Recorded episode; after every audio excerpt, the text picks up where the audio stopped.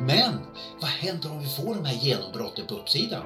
Då indikerar det ganska rejäla uppgångar och det indikerar också att ekonomin i Europa kommer att förbättras. Så att det finns väldigt, väldigt mycket att hålla ögonen på i Europa. Det här är Investera och agera, en podcast från Carnegie Private Banking. Hej och välkommen! Jag som pratar är Jan Torssell och jag har, eh, skulle jag påstå, världens bästa jobb. Jag är nämligen teknisk analytiker här på Carnegie Private Banking. Eh, jag ska prata om Stockholmsbörsen. Eh, jag tänkte prata lite om USA. Men framför allt så tänker jag prata lite grann om vad som händer i Europa. Det är nämligen extremt spännande saker på gång i Europa vad avser börsen. Eh, börjar vi med att titta på Stockholmsbörsen. I det kortsiktiga perspektivet så har ju index eh, noterat, så bröt index upp ur konsolidering eh, i fredags som har pågått då sedan den 15 mars. Eh, då hade vi en liten tajt konsolidering mellan 21,50 och 21,88. Och den nivån jag bevakar nu det är ju naturligtvis den psykologiskt viktiga 2200 nivån. Eh, passeras den nivån så effektueras nästa kortsiktiga köpsignal och sker det så möter nästa tekniska motstånd vid ungefär 22,60. Eh, skulle index istället vända ner under 21,50 så ökar risken för en nedgång mot en, eh, eh, ungefär 2100. Då. Tittar vi på OMX på lite längre sikt så har index nu nått mitt eh, långsiktiga målområde vid 2180 till 2200. Eh, och nu får vi se här vad, vad, som händer vid det här området. Index har gjort halt vid det här området, vilket är inte är konstigt. Det vill säga 2200 nivån fungerar. De här jämna nivåerna fungerar ofta som, som eh, kortsiktiga motstånd. Och nu får vi se om det här motståndet passeras eller om det här håller. Jag tror att det långsiktigt finns förutsättningar för, för, eh, för högre kurser, absolut. Men eh, då, måste det, då måste vi börja få utbrott även i, i resten av Europa. Jag ska återkomma till det om en liten stund. Eh, tittar vi på USA-börsen eh, så så, så har index noterats i en liten rekyl. Index eh, noterade den senaste kortsiktiga toppen då den 17 mars och sen rekylerade vi tre vågor eh, och sen har det tagit fart uppåt igen här överlag så ser det starkt ut. Självklart är index kortsiktigt överköpt.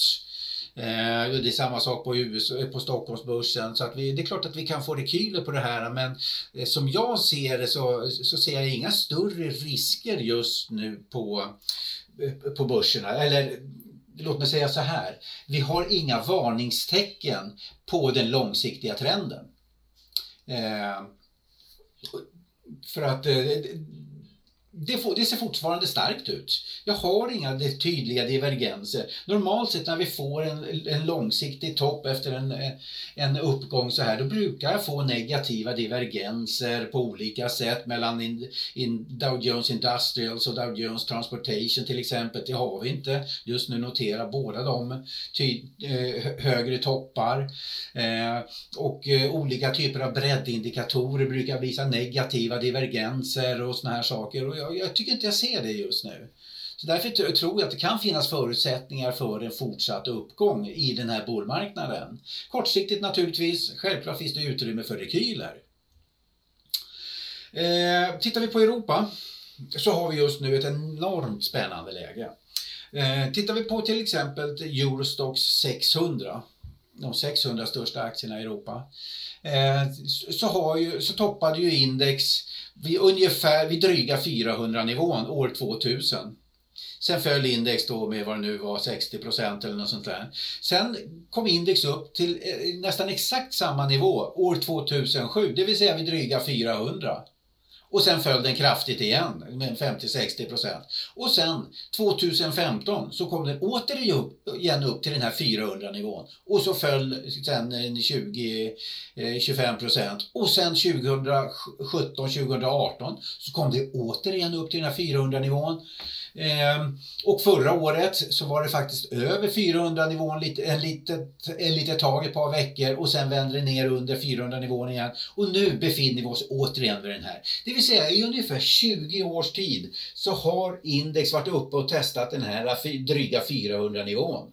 Så nu ska det ju bli oerhört spännande att se om eh, den här kan bryta igenom på uppsidan. Skulle det här bryta igenom på uppsidan och effektuera en köpsignal, ja men då är det en köpsignal eh, som borde kunna leda till ganska stora rörelser. Enligt min analys så skulle vi då kunna ta oss upp eh, kanske 20 procent eller något sånt där. Och då talar vi alltså genomsnittlig uppgång för de 600 aktierna eh, i Eurostock 600. Tänk dig då en, enskilda sektorer och enskilda aktier. Så det här är ett enormt spännande läge. Så det här är verkligen en så kallad pivot point. En väldigt viktig nivå. Antingen så ska vi nu börja vända ner igen, som vi har gjort under de senaste 20 åren, vid de här nivåerna. Eller så ska vi kanske äntligen börja få det här genombrottet. Och får vi genombrottet så är det, indikerar det en uppgång med ungefär 20% Och det är ungefär samma sak med, med Eurostox 50. Den ser betydligt svagare ut. Men den, den befinner sig också eh, vid viktiga motstånd just nu. Det vill säga vid de topparna under de senaste fem åren. Får vi ett genombrott här, då indikerar det en, en ganska stark uppgång. Eh, tittar vi på den italienska börsen som, eh, som eh, eh, egentligen är otroligt svag. Efter botten 2009 så har index noterats i en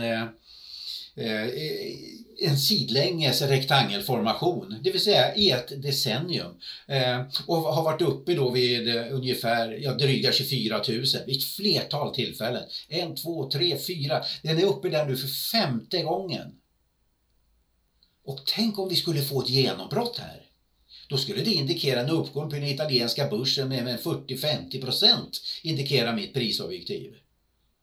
Och om den italienska börsen ska upp 40-50 procent, ja men då kan vi ju tänka oss, det är inte bara den italienska börsen som kommer dra, då kommer ju den spanska börsen, den grekiska börsen, den portugisiska börsen och flera andra börser i Europa naturligtvis också att dra.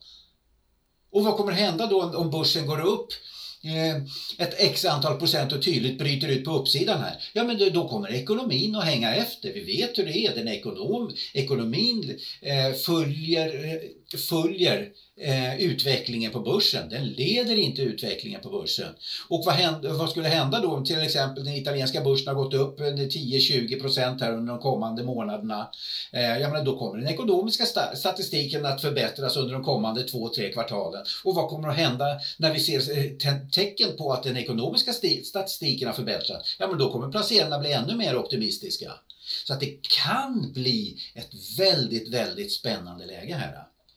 Eh, eh, och går jag vidare sen och tittar på den franska börsen noterar den också vid viktiga nivåer just nu. Så alltså, så, eh, eh jag ska försöka sammanfatta det här nu, så noteras USA, eller Europabörserna vid väldigt viktiga nivåer här och nu. Antingen så ska det toppa här vid de här väldigt, väldigt viktiga motstånden. Eh, kanske gå sidlänges eller rekulera ner, men någon typ av topp i alla fall. Och, och då får vi en ganska svag utveckling ändå. Då kommer vi få en ganska tråkig utveckling under de kommande månaderna, kvartalen. Men vad händer om vi får de här genombrotten på uppsidan? Då indikerar det ganska rejäla uppgångar. Och det indikerar också att ekonomin i Europa kommer att förbättras. Så att det finns väldigt, väldigt mycket att hålla ögonen på i Europa. För dig som vill ha lite mer eh, djupgående analys om det här ämnet kan se en film som jag spelade in tidigare i veckan. Och du kan se filmen på carnegie.se teknisk analys. Gå in och titta på den för den förklarar det här eh, på ett eh, bättre sätt, eller illustrerar det här på ett bättre sätt. Så tack så jättemycket för att du har lyssnat. Vill du veta vilka aktier och investeringar vi tror på? Du som ännu inte är kund kan beställa en provportfölj på carnegie.se privatebanking så sätter vi ihop en rekommenderad portfölj för dig.